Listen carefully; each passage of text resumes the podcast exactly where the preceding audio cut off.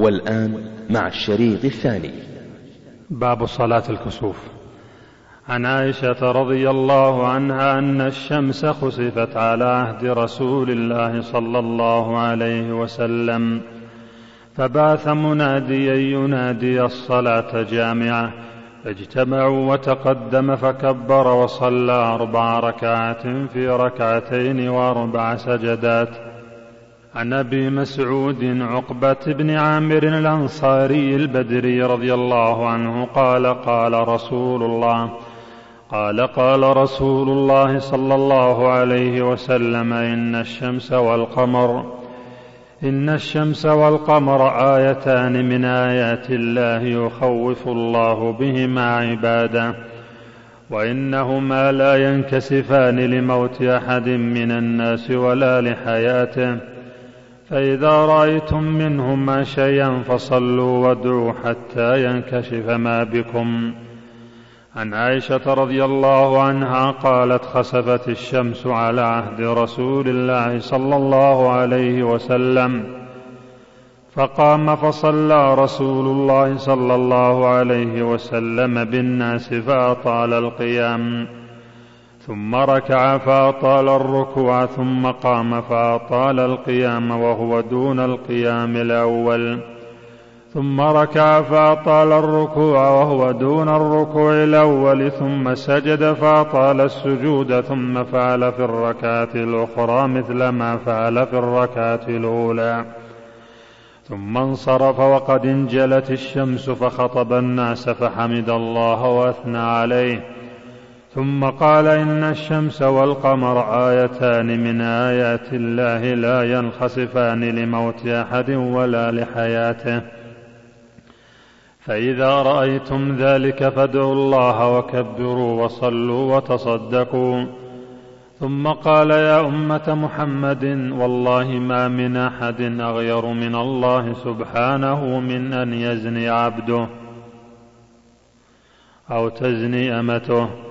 يا أمة محمد والله لو تعلمون ما أعلم لضحكتم قليلا ولبكيتم كثيرا. وفي لفظ فاستكمل أربع ركعات وأربع سجدات.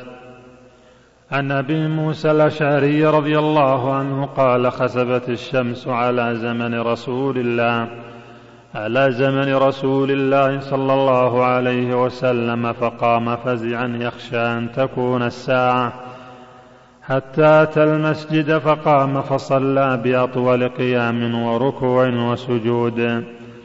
ما رأيته يفعله في صلاة قط ثم قال إن هذه الآيات التي يرسلها الله تعالى لا تكون لموت أحد ولا لحياته ولكن الله عز وجل يرسلها يخوف بها عباده. فإذا رأيتم منها شيئا فافزعوا إلى ذكر الله ودعائه واستغفاره. باب صلاة الاستسقاء. عن عبد الله بن زيد بن عاصم المازني رضي الله عنه قال خرج النبي صلى الله عليه وسلم يستسقي فتوجه إلى القبلة يدعو وحول رداءه وحول رداءه ثم صلى ركعتين جهر فيهما بالقراءة وفي لفظ أتى المصلى. وعن أنس بن مالك رضي الله عنه أن رجلا دخل المسجد يوم الجمعة من باب كان نحو بدار القضاء. ورسول الله صلى الله عليه وسلم قائم يخطب. فاستقبل رسول الله صلى الله عليه وسلم قائما ثم قال يا رسول الله ثم قال يا رسول الله هلكت الأموال وانقطعت السبل فادعوا الله يغيثنا. قال فرفع رسول الله صلى الله عليه وسلم يديه ثم قال اللهم أغثنا اللهم أغثنا اللهم أغثنا. قال أنس فلا والله ما نرى في السماء من سحاب ولا قزع وما بيننا وبين سلع من بيت ولا دار. قال فطلعت من ورائه سحابة مثل الترس. فلما توسطت السماء انتشرت ثم أمطرت. قال فلا والله ما رأينا الشمس سبتا. قال ثم دخل رجل من ذلك الباب في الجمعة المقبلة ورسول الله صلى الله عليه وسلم قائم يخطب. فاستقبله قائما فقال يا رسول الله هلكت الأموال وانقطعت السبل فادعوا الله يمسكها عنا. قال فرفع رسول الله صلى الله عليه وسلم يديه ثم قال اللهم حوالينا ولا علينا. اللهم على الآكام والضراب وبطون الأودية ومنابت الشجر. قال فأقلعت وخرجنا نمشي في الشمس. قال شريك فسألت أنس بن مالك أهو الرجل الأول؟ قال لا أدري. قال المصنف رحمه الله الضراب الجبال الصغار. والآكام جمع كما وهي أعلى من الرابية ودون الهضبة ودار القضاء دار عمر بن الخطاب رضي الله عنه. سميت بذلك لأنها بيعت في قضاء دينه. باب صلاة الخوف. عن عبد الله بن عمر بن الخطاب رضي الله عنهما قال صلى بنا رسول الله صلى الله عليه وسلم صلاة الخوف صلاة الخوف في بعض أيامه التي لقي فيها العدو. فقامت طائفة معه وطائفة بإزاء العدو. فصلى بالذين معه ركعة ثم ذهبوا وجاء الآخرون فصلى بهم ركعة وقضت الطائفتان ركعة الركعة.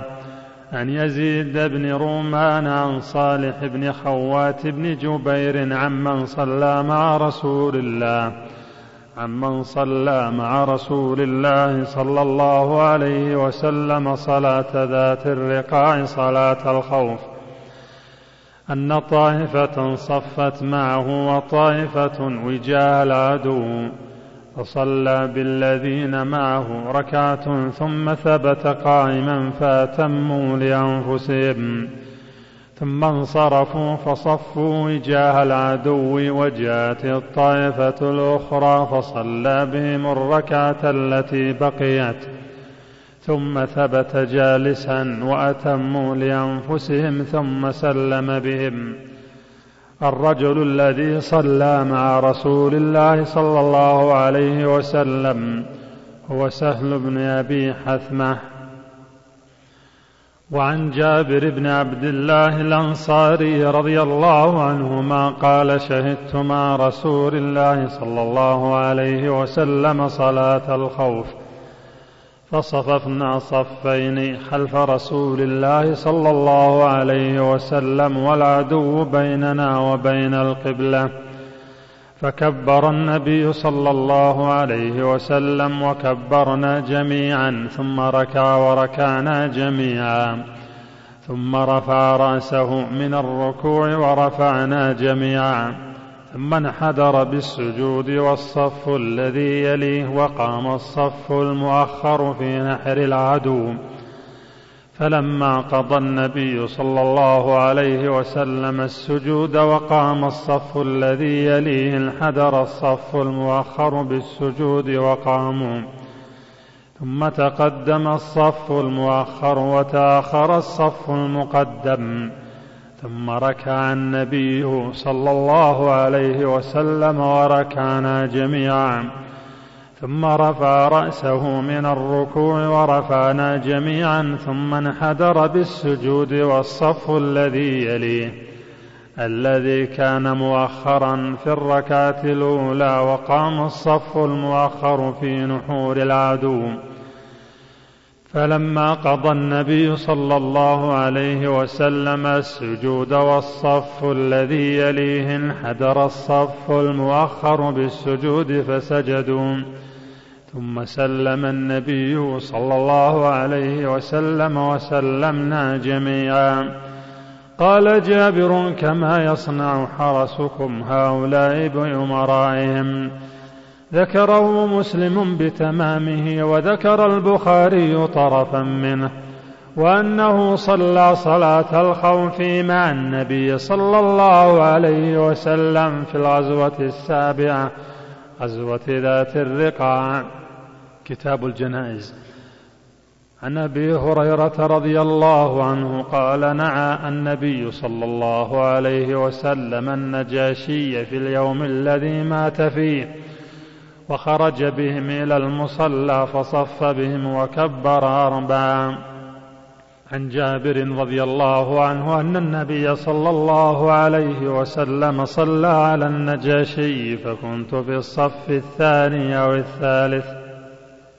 عن عبد الله بن عباس رضي الله عنهما أن النبي صلى الله عليه وسلم صلى على قبر بعدما دفن فكبر عليه أربعا.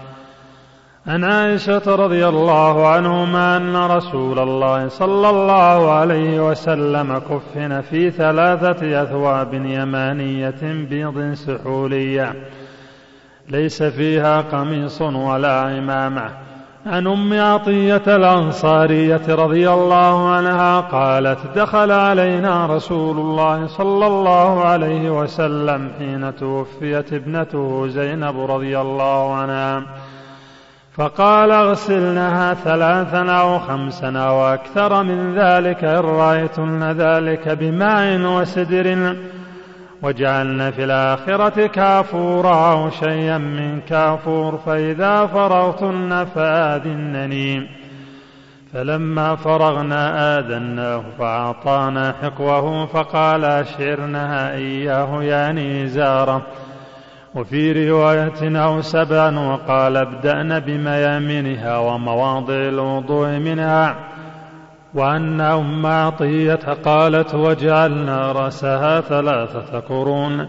عن عبد الله بن عباس رضي الله عنهما قال بينما رجل واقف بعرفة إذ وقع عن راحلته فوقصت. أو قال فأوقصته فقال رسول الله صلى الله عليه وسلم اغسلوه بماء وسدر وكفنوا في ثوبين ولا تحنطوا ولا تخمروا راسه فإنه يبعث يوم القيامة ملبيا. وفي رواية ولا تخمروا وجهه ولا رأسه قال المصنف الوقص كسر العنق. عن أم عطية الأنصارية رضي الله عنها قالت نهينا عن اتباع الجنائز ولم يعزم علينا. عن أبي هريرة رضي الله عنه عن رسول الله صلى الله عليه وسلم قال أسرعوا بالجنازة فإن تك صالحة فخير تقدمونها إليه.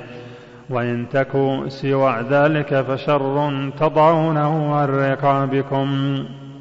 عن سمرة بن جندب رضي الله عنه قال صليت وراء رسول الله صلى الله عليه وسلم على امرأة ماتت في نفاسها فقام وسطها. عن أبي موسى عبد الله بن قيس رضي الله عنه أن رسول الله صلى الله عليه وسلم برئ من الصالقة والحالقة والشاقة الصالقة التي ترفع صوتها عند المصيبة. عن عائشة رضي الله عنها قالت لما اشتكى النبي صلى الله عليه وسلم ذكر بعض نسائه كنيسة رأتها بأرض الحبشة يقال لها ماريا. وكانت أم سلمة وأم حبيبة أتتا أرض الحبشة فذكرتا من حسنها وتصاوير فيها. فرفع رأسه صلى الله عليه وسلم وقال أولئك إذا مات فيهم الرجل الصالح بنوا على قبره مسجدا. ثم صوروا فيه تلك الصور أولئك شرار الخلق عند الله.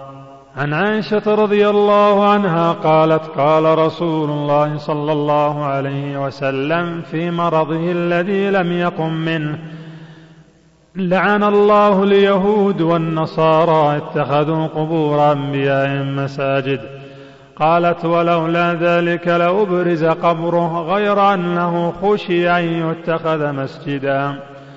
عن عبد الله بن مسعود رضي الله عنه عن النبي صلى الله عليه وسلم قال ليس منا من ضرب الخدود وشق الجيوب ودعا بدعوى الجاهلية عن أبي هريرة رضي الله عنه قال قال رسول الله صلى الله عليه وسلم من شهد الجنازة حتى يصلى عليها فله قيراط ومن شهدها حتى تدفن فله قيراطان.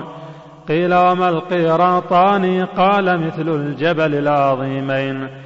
ولمسلم أصغرهما مثل جبل أحد. كتاب الزكاة.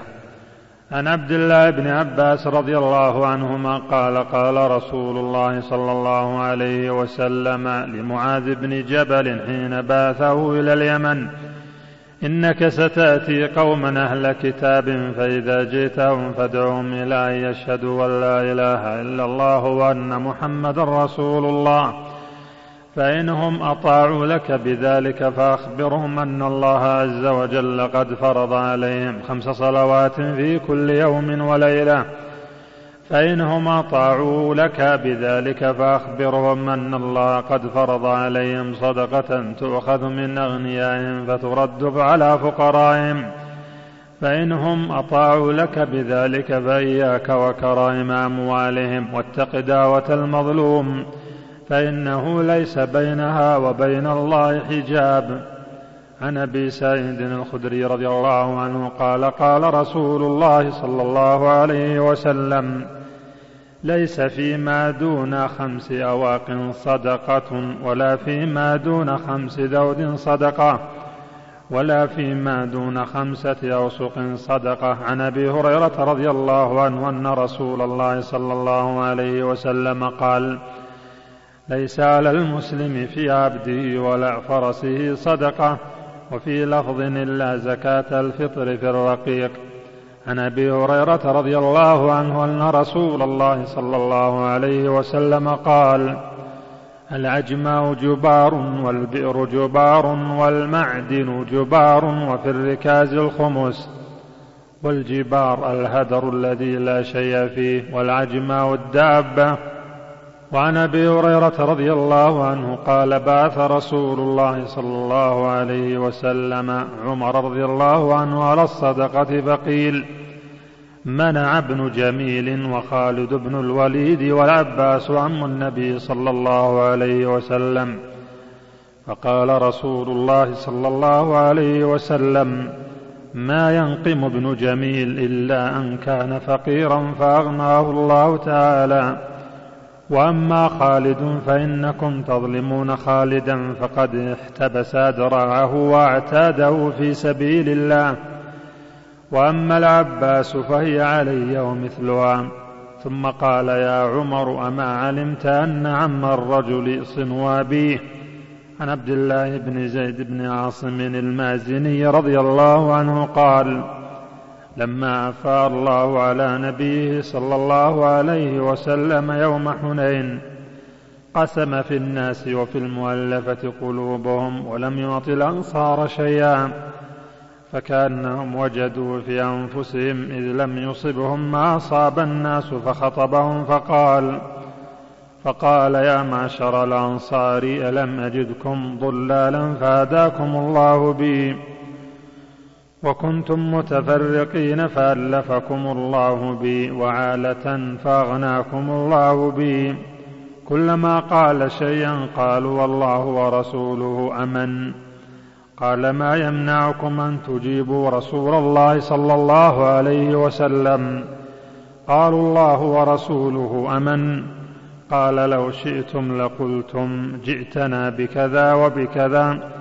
ألا ترضون أن يذهب الناس بالشاة والبعير وتذهبون بالنبي صلى الله عليه وسلم إلى رحالكم؟ لولا الهجرة لكنت امرأ من الأنصار. ولو سلك الناس واديا أو شعبا لسلكت وادي الأنصار وشعبها الأنصار شعار والناس دثار إنكم ستلقون بعدي أثرة فاصبروا حتى تلقوني على الحوض. باب صدقة الفطر. عن عبد الله بن عمر رضي الله عنهما قال فرض النبي صلى الله عليه وسلم صدقة الفطر أو قال رمضان. على الذكر والأنثى والحر والمملوك صاعا من تمر أو صاعا من شعير. قال فعدل الناس به نصف صاع من بر على الصغير والكبير. وفي لفظ أن تؤدى قبل خروج الناس إلى الصلاة. وعن أبي سعيد الخدري رضي الله عنه قال كنا نعطيها في زمن النبي صلى الله عليه وسلم صاعا من طعام أو صاعا من تمر أو صاعا من شعير أو صاعا من عقق أو صاعا من زبيب. فلما جاء معاوية وجاءت السمراء قال أرى مدا من هذه يعدل مدين؟ قال أبو سعيد أما أنا فلا أزال أخرجه كما كنت أخرجه على عهد رسول الله صلى الله عليه وسلم. كتاب الصيام. عن أبي هريرة رضي الله عنه قال قال رسول الله صلى الله عليه وسلم لا تقدموا رمضان بصوم يوم أو يومين إلا رجلا كان يصوم صوما فليصمه وعن عبد الله بن عمر رضي الله عنهما قال سمعت رسول الله صلى الله عليه وسلم يقول إذا رأيتموه فصوموا وإذا رأيتموه فأفطروا فإن غم عليكم فاقدروا له. عن أنس بن مالك رضي الله عنه قال قال رسول الله صلى الله عليه وسلم تسحروا فإن في السحور بركة. وعن انس بن مالك رضي الله عنهما عن زيد بن ثابت رضي الله عنه قال تسحرنا مع رسول الله صلى الله عليه وسلم ثم قام إلى الصلاة. قال أنس قلت لزيد كم كان بين الآذان والسحور؟ قال قدر خمسين آية. عن عائشة وأم سلمة رضي الله عنهما أن رسول الله صلى الله عليه وسلم كان يدركه الفجر. كان يدركه الفجر وهو جنب من أهله ثم يغتسل ويصوم. وعن أبي هريرة رضي الله عنه قال إن النبي صلى الله عليه وسلم قال من نسي وهو صائم فأكل أو شرب فليتم صومه فإنما أطعمه الله وسقاه وعن أبي هريرة رضي الله عنه قال بينما نحن جلوس عند النبي صلى الله عليه وسلم إذ جاءه رجل فقال يا رسول الله هلكت. فقال ما أهلكك أو ما لك؟ قال وقعت على امرأتي في رمضان وأنا صائم وفي رواية أصبت أهلي في رمضان. فقال رسول الله صلى الله عليه وسلم هل تجد رقبة تعتقها قال لا. قال فهل تستطيع؟ قال فهل تستطيع أن تصوم شهرين متتابعين؟ قال لا. قال فهل تجد إطعام ستين مسكينا؟ قال لا. قال فسكت النبي صلى الله عليه وسلم. فبينما نحن على ذلك إذ أتي النبي صلى الله عليه وسلم بعرق فيه تمر. والعرق المكتل. قال أين السائل؟ قال أنا. قال خذ هذا فتصدق به. قال أعلى أفقر مني يا رسول الله فوالله ما بين لابتيها يريد الحرتين. يريد الحرتين أهل بيت أفقر من أهل بيتي. فضحك النبي صلى الله عليه وسلم حتى بدت انيابه ثم قال أطعمه أهلك. الحرة الأرض تركبها حجارة سود. باب الصوم في السفر وغيره. عن عائشة رضي الله عنها أن حمزة بن عمرو الأسلمي قال للنبي صلى الله عليه وسلم اصوم في السفر وكان كثير الصيام. قال إن شئت فصم وإن شئت فافطر. عن أنس بن مالك رضي الله عنه قال كنا نسافر مع رسول الله. كنا نسافر مع رسول الله صلى الله عليه وسلم. فلم يعب الصائم على المفطر ولا المفطر على الصائم. عن أبي الدرداء رضي الله عنه قال خرجنا مع رسول الله صلى الله عليه وسلم في شهر رمضان في حر شديد. حتى إن كان أحدنا ليضع يده على رأسه من شدة الحر وما فينا صائم إلا رسول الله صلى الله عليه وسلم وعبد الله بن رواحة. عن جابر بن عبد الله رضي الله عنه قال كان رسول الله صلى الله عليه وسلم في سفر. فرأى زحاما ورجلا قد ظلل عليه. فقال ما هذا؟ قالوا صائم. قال ليس من البر الصيام في السفر. وفي لفظ لمسلم عليكم برخصة الله التي رخص لكم. وعن أنس بن مالك رضي الله عنه قال كنا مع رسول الله صلى الله عليه وسلم في سفر فمنا الصائم ومنا المفطر. قال فنزلنا منزلا في يوم حر وأكثرنا ظلا صاحب الكساء ومنا من يتقي الشمس بيده.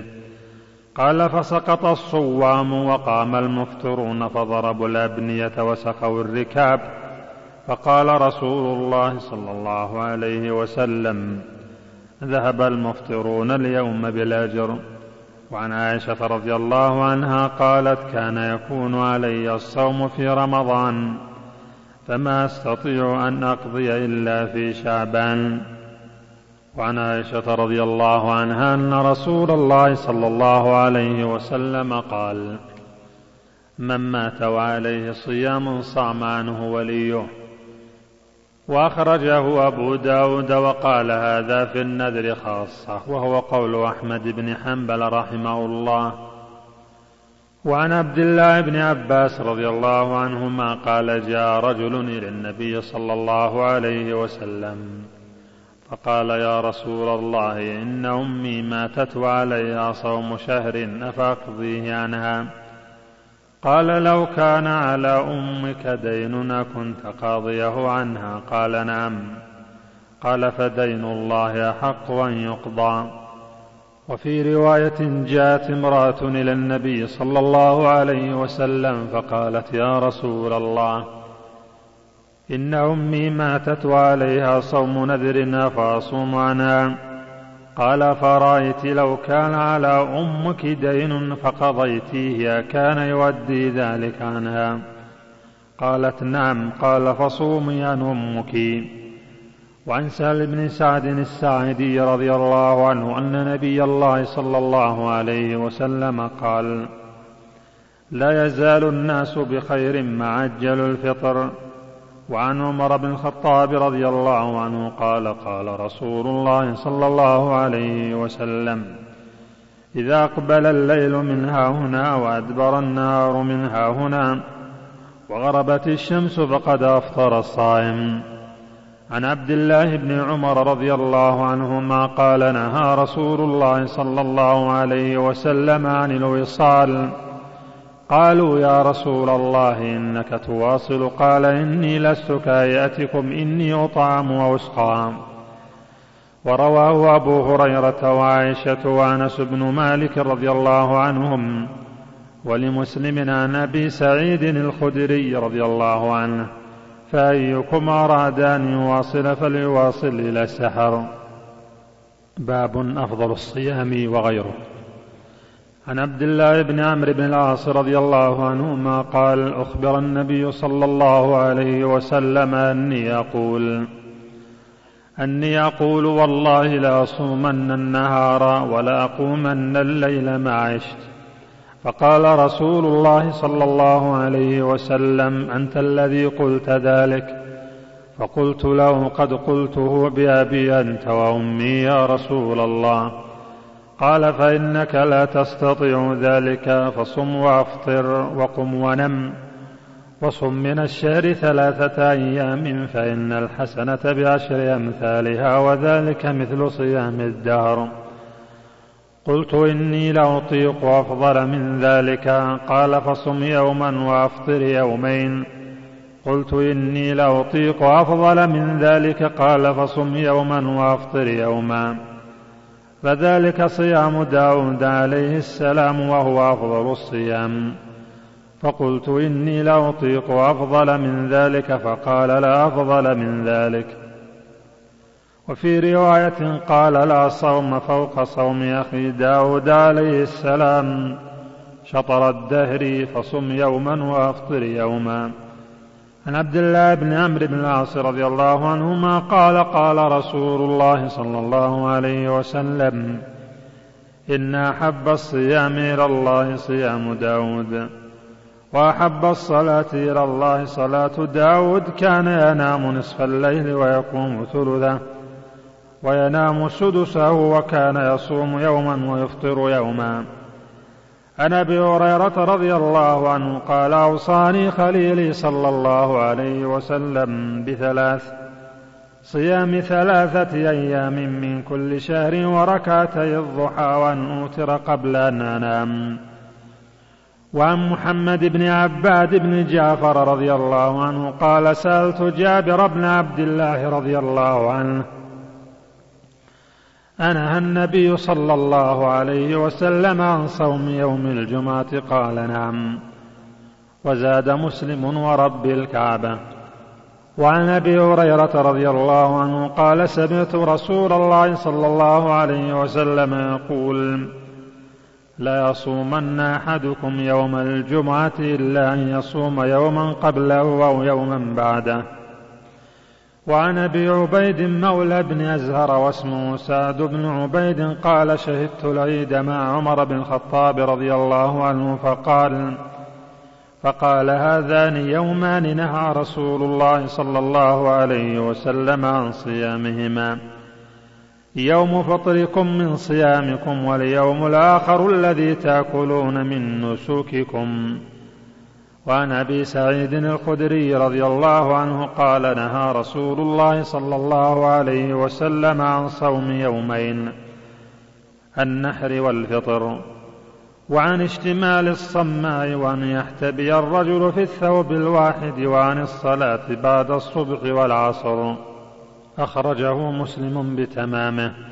وأخرج البخاري الصوم فقط. عن أبي سعيد الخدري رضي الله عنه قال قال رسول الله صلى الله عليه وسلم من صام يوما في سبيل الله بعد الله وجهه عن النار سبعين خريفا.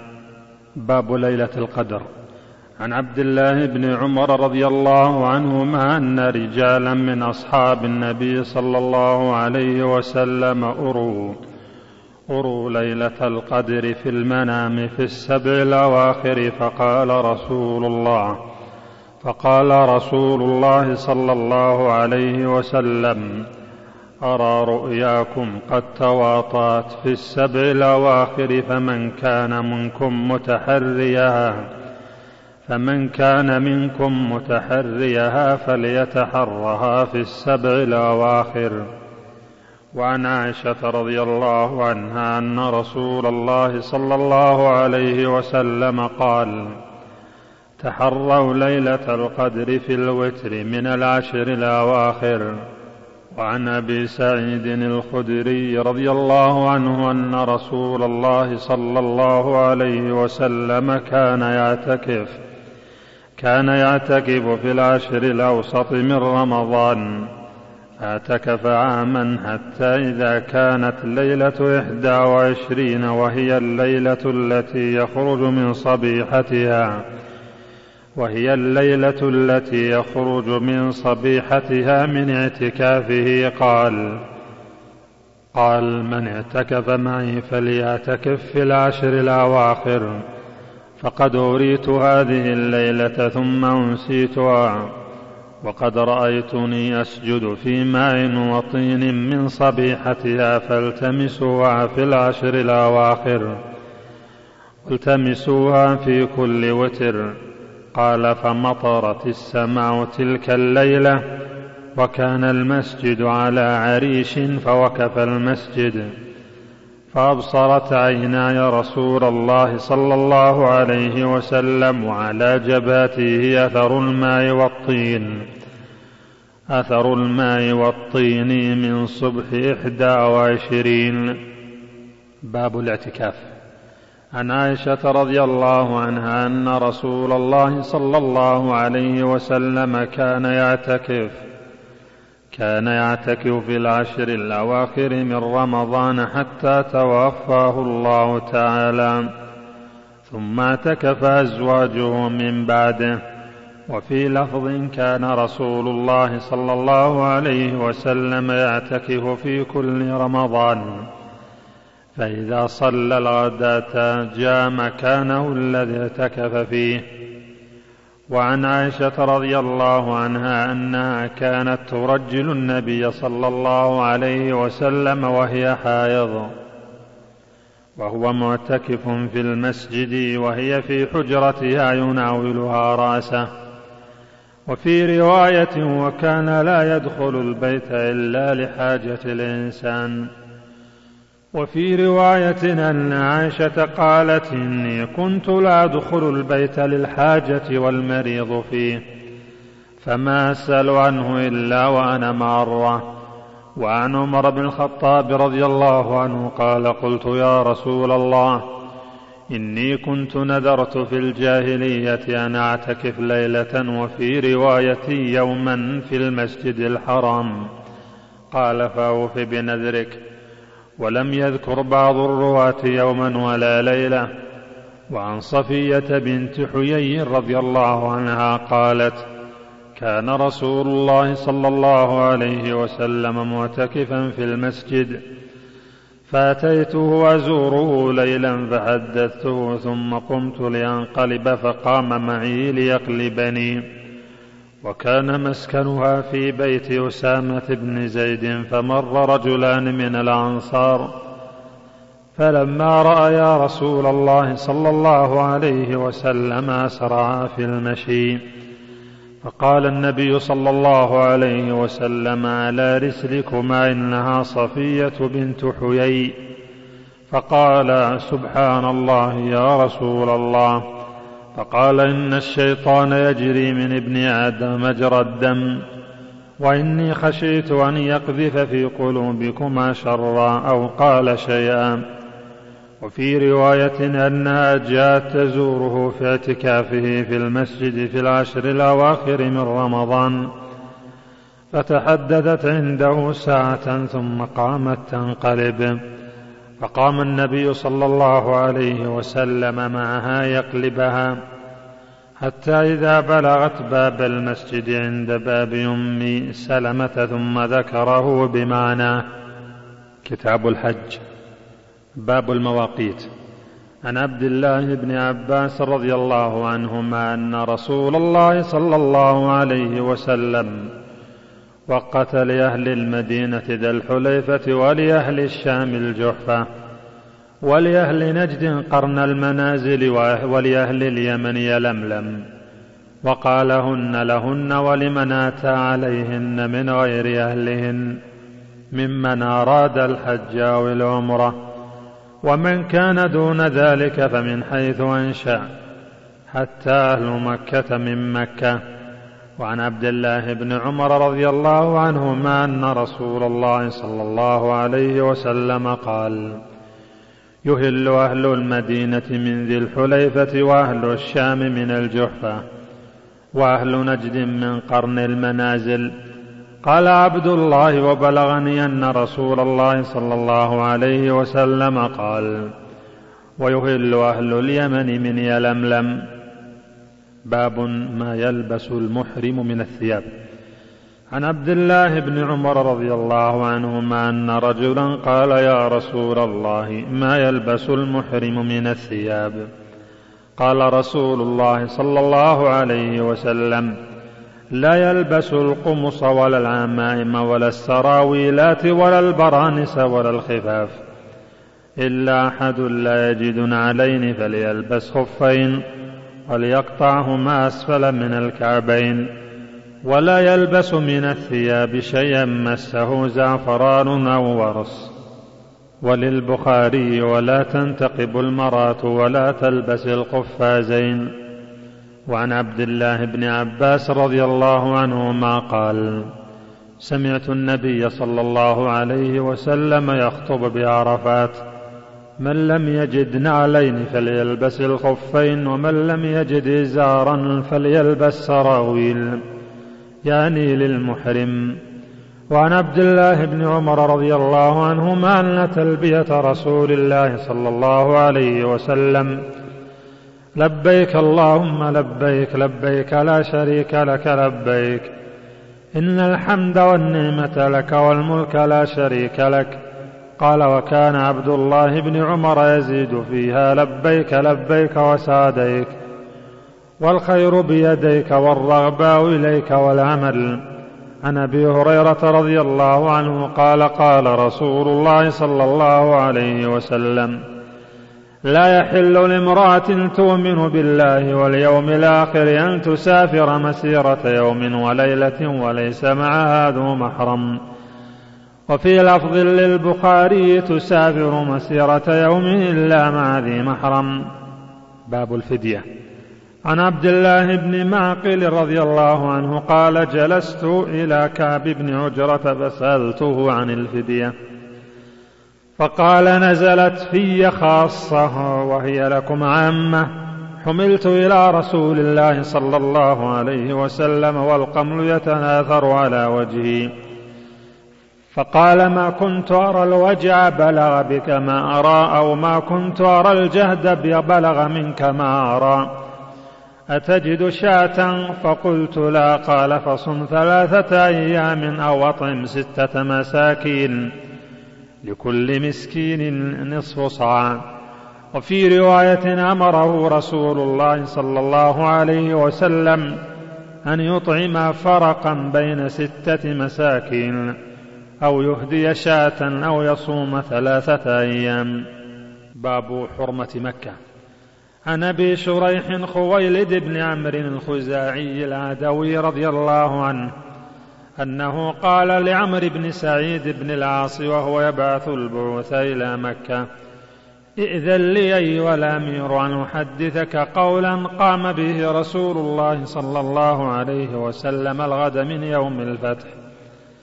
فسمعته اذناي ووعاه قلبي وابصرته عيناي حين تكلم به أنه حمد الله وأثنى عليه ثم قال إن مكة حرمها الله تعالى يوم خلق السماوات والأرض ولم يحرمها الناس فلا يحل لامرئ يؤمن بالله واليوم الآخر أن يسفك بها دما. ولا يعضد بها شجرة فإن أحد ترخص بقتال رسول الله صلى الله عليه وسلم فقولوا فقولوا إن الله أذن لرسوله صلى الله عليه وسلم ولم يأذن لكم. وإنما أذن لي ساعة من نهار وقد عادت حرمتها اليوم كحرمتها بالأمس فليبلغ الشاهد الغائب فقيل لأبي شريح ما قال لك أمر قال قال أنا أعلم بذلك منك يا أبا شريح. إن الحرم لا يعيذ عاصيا ولا فارا بدم ولا فارا بخربة. الخربة بالخاء المعجمة والراء المهملة قيل الجناية. وقيل البلية وقيل التهمة. وأصلها في سرقة الإبل قال الشاعر. والخارب اللص يحب الخاربا. وعن عبد الله بن عباس رضي الله عنهما قال قال رسول الله صلى الله عليه وسلم يوم فتح مكة. لا هجرة بعد الفتح ولكن جهاد ونية. وإذا استنفرتم فانفروا. وقال يوم فتح مكة إن هذا البلد حرمه الله يوم خلق السماوات والأرض. فهو حرام بحرمة الله إلى يوم القيامة وإنه لم يحل القتال فيه لأحد قبلي ولم يحل لي إلا ساعة من نهار وهي ساعتي هذه. فهو حرام بحرمة الله إلى يوم القيامة لا يعضد شوكه ولا ينفر صيده ولا يلتقط لقطته إلا من عرفها ولا يختلى خلاه فقال العباس يا رسول الله إلا الإذخر فإنه لقينهم وبيوتهم. فقال إلا الإذخر القين الحداد. باب ما يجوز قتله. عن عائشة رضي الله عنها أن رسول الله صلى الله عليه وسلم قال خمس من الدواب كلهن فاسق يقتلن في الحرم. الغراب والحداة والعقرب والفأرة والكلب العقور. ولمسلم يقتل خمس فواسق في الحل والحرم. الحداة بكسر الحاء وفتح الدال. باب دخول مكة وغيره. عن أنس بن مالك رضي الله عنه أن رسول الله صلى الله عليه وسلم دخل مكة عام الفتح وعلى رأسه المغفر. فلما نزعه جاءه رجل فقال ابن خطل متعلق بأستار الكعبة فقال اقتلوه. عن عبد الله بن عمر رضي الله عنهما أن رسول الله صلى الله عليه وسلم دخل مكة من كدام من الثنية العليا التي بالبطحاء وخرج من الثنية السفلى. وعن عبد الله بن عمر رضي الله عنهما قال دخل رسول الله صلى الله عليه وسلم البيت وأسامة بن زيد وبلال وعثمان بن طلحة فأغلقوا عليهم الباب فلما فتحوا الباب كنت أول من ولج. فلقيت بلالا فسألته هل صلى فيه رسول الله صلى الله عليه وسلم؟ قال نعم بين العمودين اليمانيين. عن عمر رضي الله عنه أنه جاء إلى الحجر الأسود وقبله وقال إني لأعلم أنك حجر لا تضر ولا تنفع ولولا أني رأيت رسول الله ولولا أني رأيت رسول الله صلى الله عليه وسلم يقبلك ما قبلتك. وعن عبد الله بن عباس رضي الله عنهما قال قدم رسول الله صلى الله عليه وسلم وأصحابه مكة. فقال المشركون إنه يقدم عليكم قوم قد وهنتهم حمى يثرب. فأمرهم النبي صلى الله عليه وسلم أن يرملوا الأشواط الثلاثة وأن يمشوا ما بين الركنين. ولم يمنعهم أن يرملوا الأشواط كلها إلا الإبقاء عليهم. عن عبد الله بن عمر رضي الله عنهما قال رأيت رسول الله صلى الله عليه وسلم حين يقدم مكة إذا استلم الركن الأسود. أول ما يطوف يخب ثلاثة أشواط. وعن عبد الله بن عباس رضي الله عنهما قال طاف النبي صلى الله عليه وسلم في حجة الوداع على بعير يستلم الركن بمحجن والمحجن عصا منحنية الرأس. وعن عبد الله بن عمر رضي الله عنهما قال لما رأى النبي صلى الله عليه وسلم يستلم من البيت إلا الركنين اليمانيين. باب التمتع. عن أبي جمرة نصر بن عمران الضبعي قال سألت ابن عباس عن المتعة فأمرني بها. وسالته عن الهدي فقال فيه جزور أو بقرة أو شاة أو شرك في دم. قال وكأن أناسا كرهوها فنمت فرأيت في المنام. فرأيت في المنام كأن إنسانا ينادي حج مبرور ومتعة متقبلة. فأتيت ابن عباس فحدثته فقال الله أكبر سنة أبي القاسم صلى الله عليه وسلم. وعن عبد الله بن عمر رضي الله عنهما قال تمتع رسول الله صلى الله عليه وسلم في حجة الوداع بالعمرة إلى الحج. وأهدى فساق معه الهدي من ذي الحليفة وبدا رسول الله صلى الله عليه وسلم فأهل بالعمرة.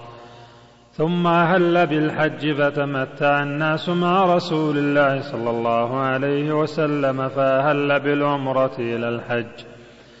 فكان من الناس من أهدى فساق الهدي من ذي الحليفة ومنهم من لم يهدي. فلما قدم النبي صلى الله عليه وسلم مكة قال للناس من كان منكم قد أهدى فإنه لا يحل من شيء حرم منه حتى يقضي حجه.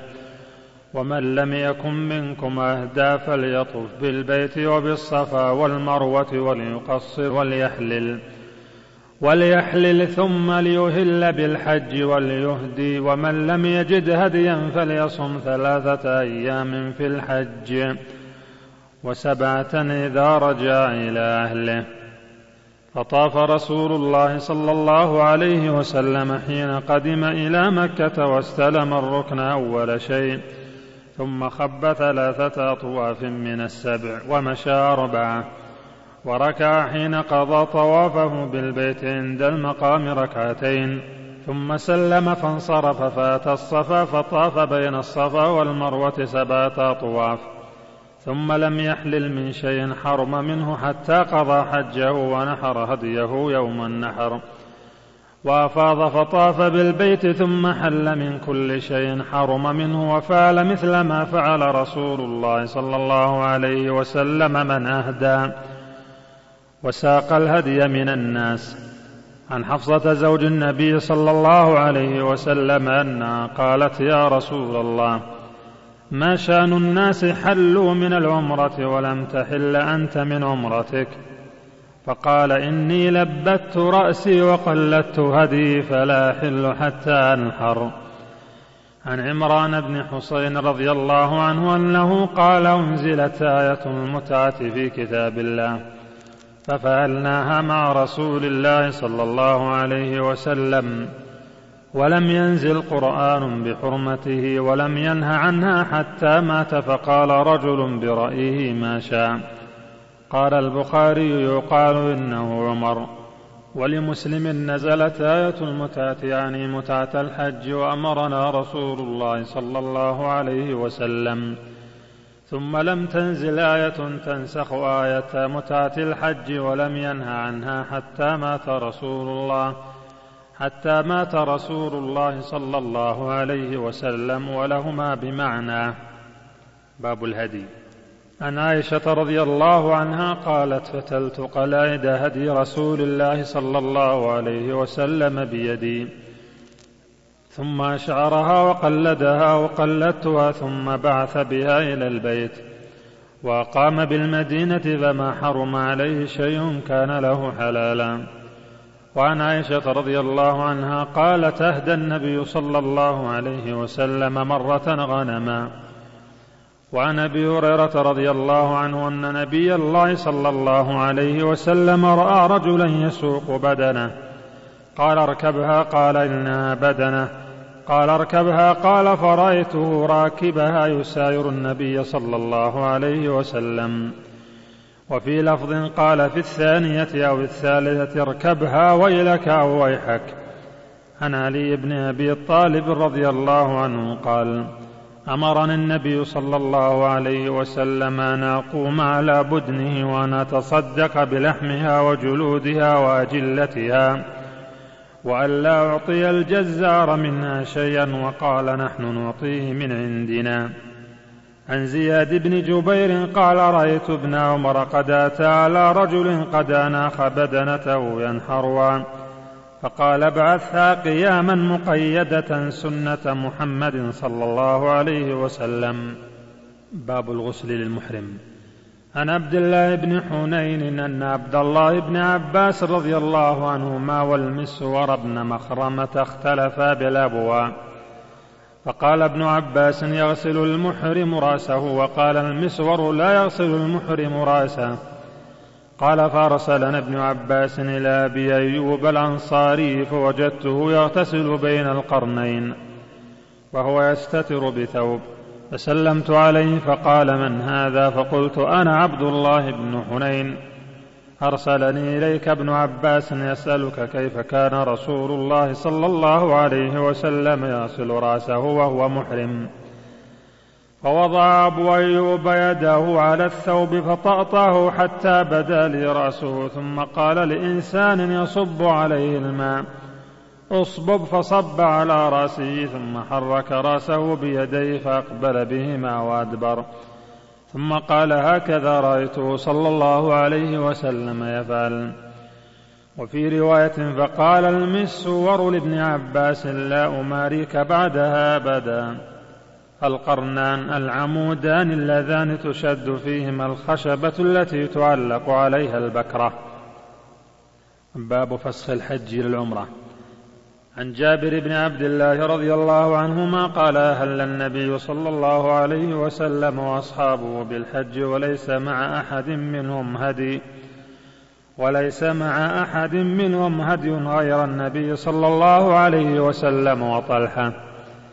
وقدم علي من اليمن فقال أهللت بما أهل به النبي صلى الله عليه وسلم. فأمر النبي صلى الله عليه وسلم أصحابه أن يجعلوها عمرة فيطوفوا ثم يقصروا ويحلوا إلا من كان مع أولادي. فقالوا ننطلق إلى منى وذكر أحدنا يقطر. فبلغ ذلك النبي صلى الله عليه وسلم فقال لو استقبلت من أمري ما استدبرت ما أهديت ولولا أن معي الهدي لأحللت. وحاضت عائشة فنسكت المناسك كلها غير أنها لم تطف بالبيت. فلما طهرت وطافت بالبيت قالت يا رسول الله يا رسول الله تنطلقون بحجة وعمرة وأنطلق بحج. فأمر عبد الرحمن بن أبي بكر بأن يخرج معها إلى التنعيم فاعتمرت بعد الحج. عن جابر بن عبد الله رضي الله عنهما قال قدمنا مع رسول الله صلى الله عليه وسلم ونحن نقول ونحن نقول لبيك بالحج فأمرنا رسول الله صلى الله عليه وسلم فجعلناها عمرة. وعن عبد الله بن عباس رضي الله عنهما قال قدم رسول الله صلى الله عليه وسلم وأصحابه صبيحة رابعة صبيحة رابعة من ذي الحجة مهلين بالحج. فأمرهم أن يجعلوها عمرة فقالوا يا رسول الله أي الحل؟ قال الحل كله. وعن عروة بن الزبير رضي الله عنه قال سئل أسامة بن زيد وأنا جالس كيف كان رسول الله صلى الله عليه وسلم يسير في حجة الوداع حين دفع؟ فقال فقال كان يسير العنق فإذا وجد فجوة نص العنق انبساط السير والنص فوق ذلك. عن عبد الله بن عمرو بن العاص رضي الله عنهما أن رسول الله صلى الله عليه وسلم وقف في حجة الوداع فجعلوا يسألونه. فجعلوا يسألونه فقال رجل لم أشعر فحلقت قبل أن أذبح. قال اذبح ولا حرج. وجاء آخر فقال لم أشعر فنحرت قبل أن أرمي فقال ارمي ولا حرج. فما سئل يومئذ عن شيء قدم ولا أخر إلا قال فعل ولا حرج. عن عبد الرحمن بن يزيد النخعي أنه حج مع ابن مسعود رضي الله عنه فرآه يرمي الجمرة الكبرى بسبع حصيات فجعل البيت عن يساره ومن عن يمينه. ثم قال هذا مقام الذي أنزلت عليه سورة البقرة صلى الله عليه وسلم.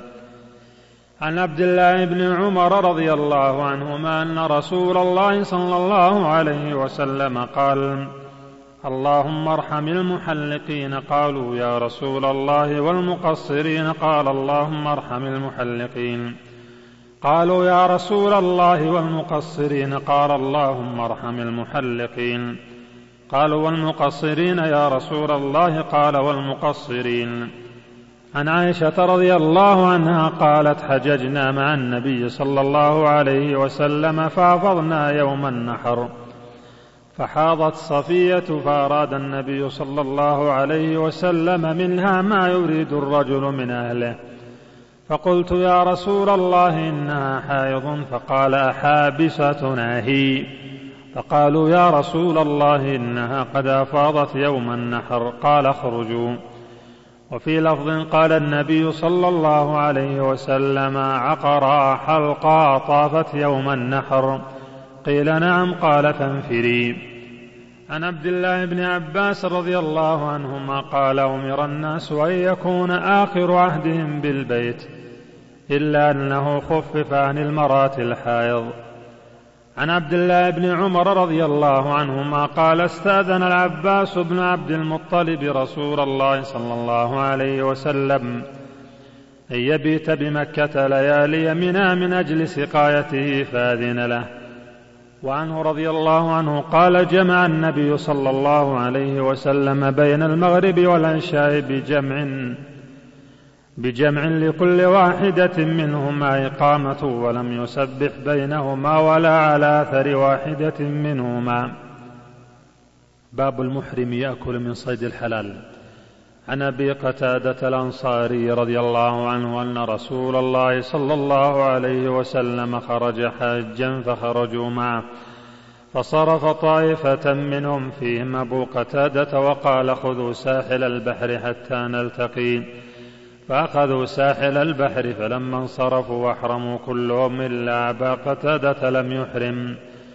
فبينما هم يسيرون إذ رأوا حمر وحش فحمل أبو قتادة على الحمر فعقر منها أتانا.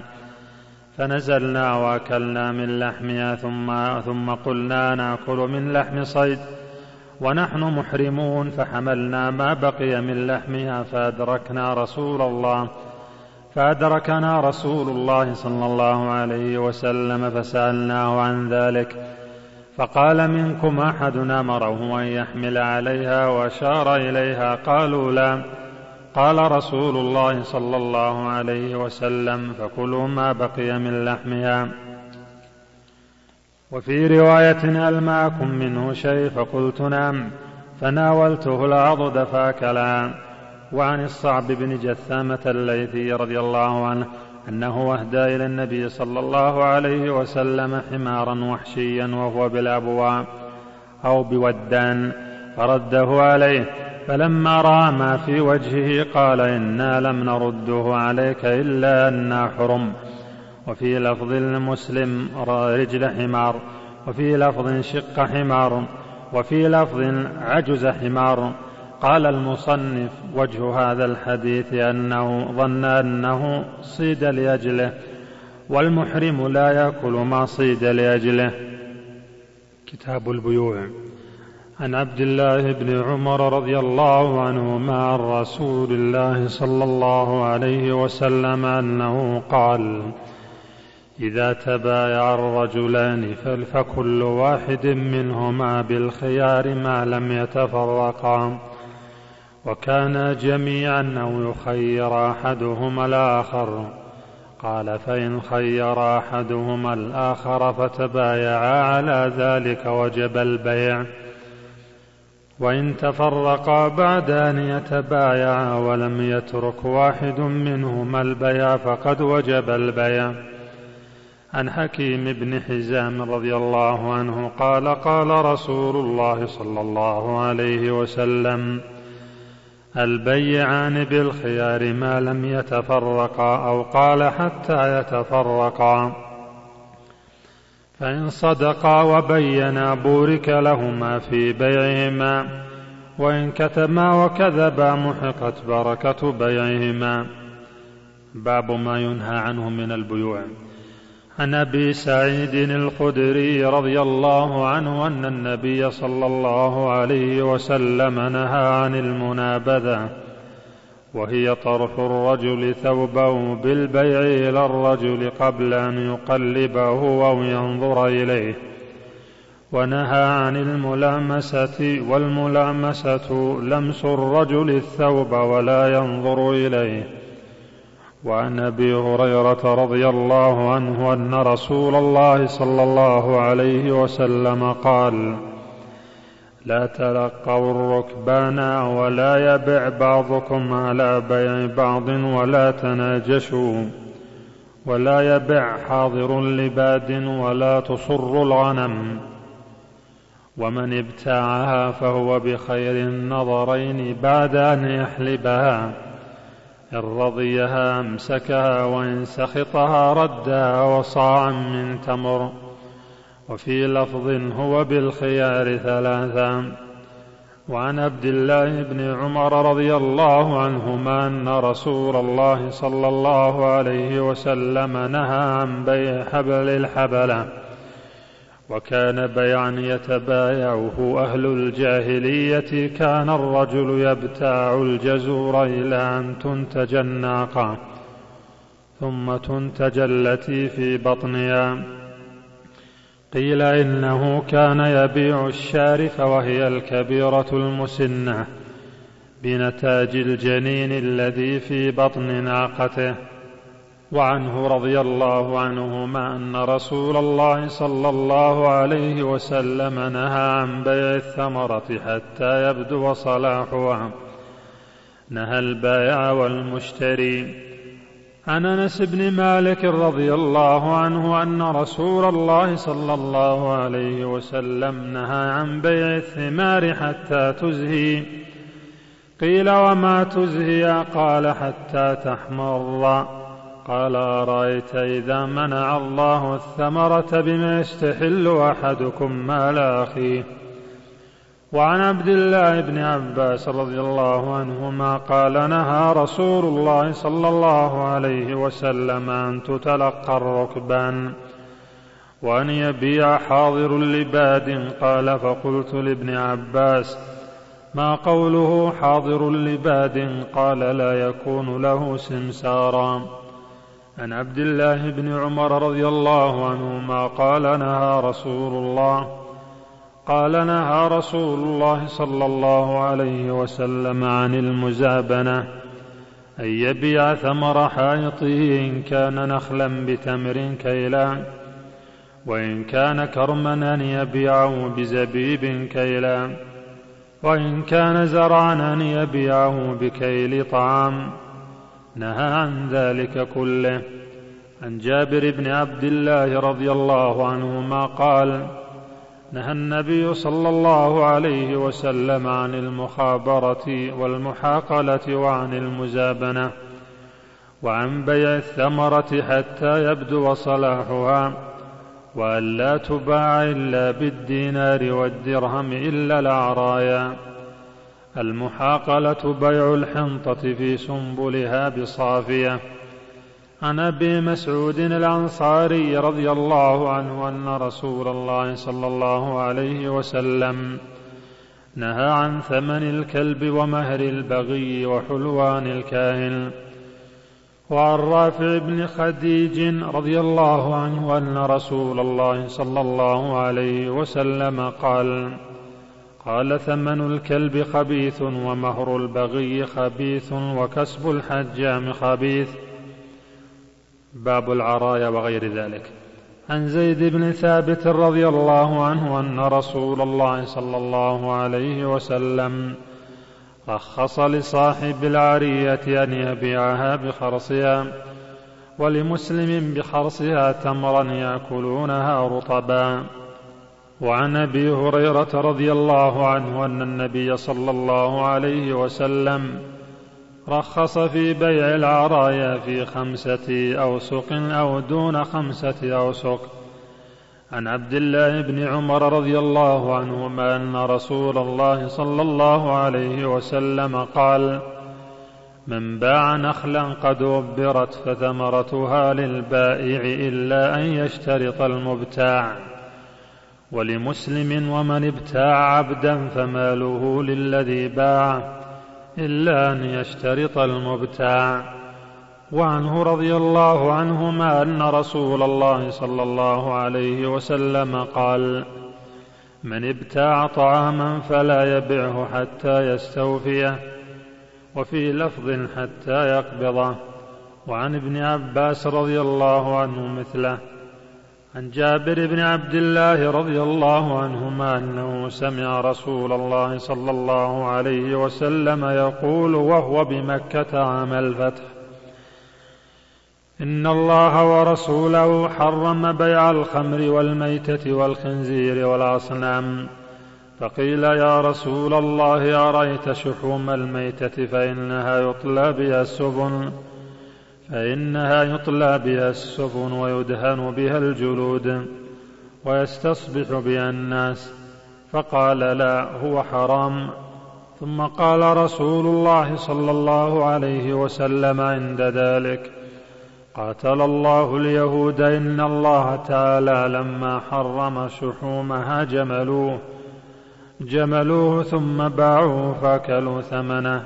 جملوه وعذابوه باب السلم. عن عبد الله بن عباس رضي الله عنهما قال قدم رسول الله صلى الله عليه وسلم المدينة وهم يسلفون في الثمار السنة والسنتين والثلاث. فقال من أسلف في شيء فليسلف في كيل معلوم ووزن معلوم إلى أجل معلوم. باب الشروط في البيع. عن عائشة رضي الله عنها قالت جاءتني بريرة فقالت فقالت كاتبت أهلي على تسع أواق في كل عام أوقية في كل عام أوقية فأعينيني. فقلت إن أحب أهلك أن أعدها لهم ويكون ولاؤك لي فعلت. فذهبت بريرة إلى أهلها فقالت لهم فأبوا عليها فجاءت من عندهم ورسول الله صلى الله عليه وسلم جالس. فقالت إني عرضت ذلك عليهم فأبوا فأبوا إلا أن يكون لهم الولاء فأخبرت عائشة النبي صلى الله عليه وسلم فقال فقال خذيها واشترطي لهم الولاء فإنما الولاء لمن أعتق ففعلت عائشة ثم قام رسول الله صلى الله عليه وسلم في الناس فحمد الله وأثنى عليه ثم قال أما بعد فما بال رجال يشترطون شروطا ليست في كتاب الله؟ ما كان من شرط ليس في كتاب الله فهو باطل وإن كان مائه شرط. قضاء الله أحق وشرط الله أوثق وإنما الولاء لمن اعتق وعن جابر بن عبد الله رضي الله عنهما أنه كان يسير على جمل له قد اعيا فأراد أن يسيبه. قال فلحقني النبي صلى الله عليه وسلم فدعا لي. فضربه فسار سيرا لم يسر مثله قط ثم قال بعنيه بيوقية. قلت لا ثم قال بعنيه فبعته بيوقية. واستثنيت حملانه إلى أهلي. فلما بلغت أتيته بالجمل فنقدني ثمنه ثم رجعت ثم رجعت فأرسل في أثري فقال أتراني ما كستك لآخذ جملك؟ خذ جملك ودراهمك فهو لك. عن أبي هريرة رضي الله عنه قال نهى رسول الله نهى رسول الله صلى الله عليه وسلم أن يبيع حاضر اللباد. ولا تناجشوا ولا يبيع الرجل على بيع أخيه ولا يخطب على خطبة أخيه ولا تسأل المرأة طلاق أختها لتكفئ ما في إنائها. باب الربا والصرف.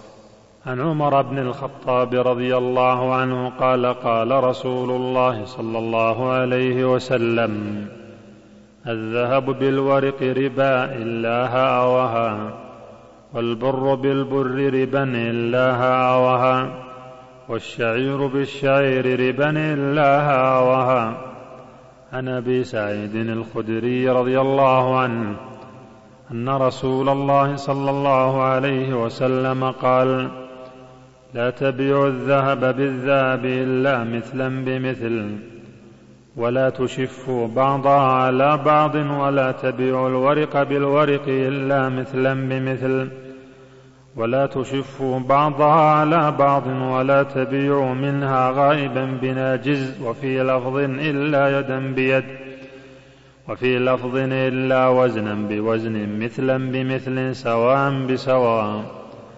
عن أبي سعيد الخدري رضي الله عنه قال جاء بلال إلى النبي صلى الله عليه وسلم بتمر برني فقال له النبي صلى الله عليه وسلم من أين هذا؟ قال بلال كان عندي تمر ردي فبعت منه صاعين بصاع ليطعم النبي صلى الله عليه وسلم. فقال النبي صلى الله عليه وسلم عند ذلك أوه أوه عين الربا عين الربا لا تفعل. ولكن إذا أردت أن تشتري فبيع التمر ببيع آخر ثم اشتري به. عن أبي المنهال قال سألت البراء بن عازب وزيد بن أرقام رضي الله عنه عن الصرف. فكل واحد منهما يقول هذا خير مني وكلاهما يقول. وكلاهما يقول نهى رسول الله صلى الله عليه وسلم عن بيع الذهب بالورق دينا. وعن أبي بكرة رضي الله عنه قال نهى رسول الله صلى الله عليه وسلم عن الفضة بالفضة والذهب بالذهب إلا سواء بسواء. وأمرنا أن نشتري الفضة بالذهب كيف شئنا. ونشتري الذهب بالفضة كيف شئنا. قال فسأله رجل فقال يدا بيد فقال هكذا سمعت. باب الرهن وغيره. عن عائشة رضي الله عنها أن رسول الله صلى الله عليه وسلم اشترى من يهودي طعاما ورهنه درعا من حديد. وعن أبي هريرة رضي الله عنه أن رسول الله صلى الله عليه وسلم قال مطل الغني ظلم وإذا اتبع أحدكم على ملي فليتبع. وعنه قال قال رسول الله صلى الله عليه وسلم أو قال سمعت رسول الله صلى الله عليه وسلم يقول من أدرك ماله بعينه عند رجل أو إنسان قد أفلس فهو أحق به من غيره. وعن جابر بن عبد الله رضي الله عنهما قال جعل وفي لفظ قضى النبي صلى الله عليه وسلم بالشفعة في كل مال لم يقسم. فإذا وقعت الحدود وصرفت الطرق فلا شفعة عن عبد الله بن عمر رضي الله عنهما قال أصاب عمر أرضا بخيبر فأتى النبي صلى الله عليه وسلم يستأمره فيها. فقال يا رسول الله إني أصبت أرضا بخيبر لم أصب مالا قط هو أنفس عندي منه فما تأمرني به؟ قال إن شئت حبست أصلها وتصدقت بها. قال فتصدق بها عمر رضي الله عنه غير أنه لا يباع أصلها ولا يورث ولا يوهب قال فتصدق بها عمر رضي الله عنه في الفقراء وفي القربى وفي الرقاب وفي سبيل الله وابن السبيل. والضيف لا جناح على من وليها أن يأكل منها بالمعروف أو يطعم صديقا غير متمول فيه وفي لفظ غير متأثل. عن عمر رضي الله عنه قال حملت على فرس في سبيل الله فأضاعه الذي كان عنده فأردت أن أشتريه وظننت أنه يبيعه. وظننت أنه يبيعه برخص فسألت النبي صلى الله عليه وسلم فقال لا تشتره ولا تعد في صدقتك وإن أعطاكه بدرهم فإن العائد في هبته كالعائد في قيئه. وعن ابن عباس رضي الله عنهما أن رسول الله صلى الله عليه وسلم قال العائد في هبته كالعائد في قيئه عن النعمان بن بشير رضي الله عنهما قال تصدق علي أبي ببعض مالي فقالت أمي عمرة بنت رواحة لا أرضى حتى يشهد رسول الله صلى الله عليه وسلم فانطلق أبي إلى رسول الله صلى الله عليه وسلم ليشهده على صدقتي. فقال له رسول الله صلى الله عليه وسلم أفعلت هذا بولدك كلهم؟ قال لا. قال اتقوا الله واعدلوا بين أولادكم فرجع أبي فرد تلك الصدقة. وفي لفظ قال فلا تشهدني اذا فإني لا أشهد على جور. وفي لفظ فأشهد على هذا غيري. وعن عبد الله بن عمر رضي الله عنهما أن النبي صلى الله عليه وسلم عامل أهل خيبر. عامل أهل خيبر على شطر ما يخرج منها من ثمر أو زرع. وعن رافع بن خديج رضي الله عنه قال كنا أكثر الأنصار حقلا وكنا نكري الأرض على أن لنا هذه ولهم هذه. وربما خرجت هذه ولم تخرج هذه فنهانا عن ذلك فأما الورق فلم ينهنا. ولمسلم عن حنظلة بن قيس قال سألت رافع بن خديج عن كراء الأرض بالذهب والورق فقال لا بأس به. إنما كان الناس يؤاجرون على عهد رسول الله صلى الله عليه وسلم بما على الماديانات وأقبال الجداول وأشياء من الزرع فيهلك هذا ويسلم هذا ويسلم هذا ويهلك هذا. ولم يكن للناس كراء إلا هذا. فلذلك زجر عنه فأما شيء معلوم مضمون فلا بأس به. المادينات الأنهار الكبار والجدول النهر الصغير. عن جابر بن عبد الله رضي الله عنهما قال قضى النبي صلى الله عليه وسلم بالعمرى بالعمرى لمن وهبت له. وفي لفظ من عمر عمرا فهي له ولعقبه فإنها للذي أعطيها لا ترجع إلى الذي أعطاها لأنه أعطى عطاء وقعت فيه المواريث. وقال جابر إنما العمر التي أجازها رسول الله صلى الله عليه وسلم أن يقول أن يقول هي لك وليعقبك فأما إذا قال هي لك ما عشت فإنها ترجع إلى صاحبها. وفي لفظ لمسلم أمسكوا عليكم أموالكم ولا تفسدوها فإنه من أعمر عمرا فهي للذي يعمرها حيا وميتا وليعقبه. وعن أبي هريرة رضي الله عنه أن رسول الله صلى الله عليه وسلم قال لا يمنع أن جار جاره أن يغرز خشبة في جداره. ثم يقول أبو هريرة ما لي اراكم عنها معرضين والله لأرمين بها بين اكتافكم عن عائشة رضي الله عنها أن رسول الله صلى الله عليه وسلم قال من ظلم من الأرض قيد شبر طوقه من سبع أراضين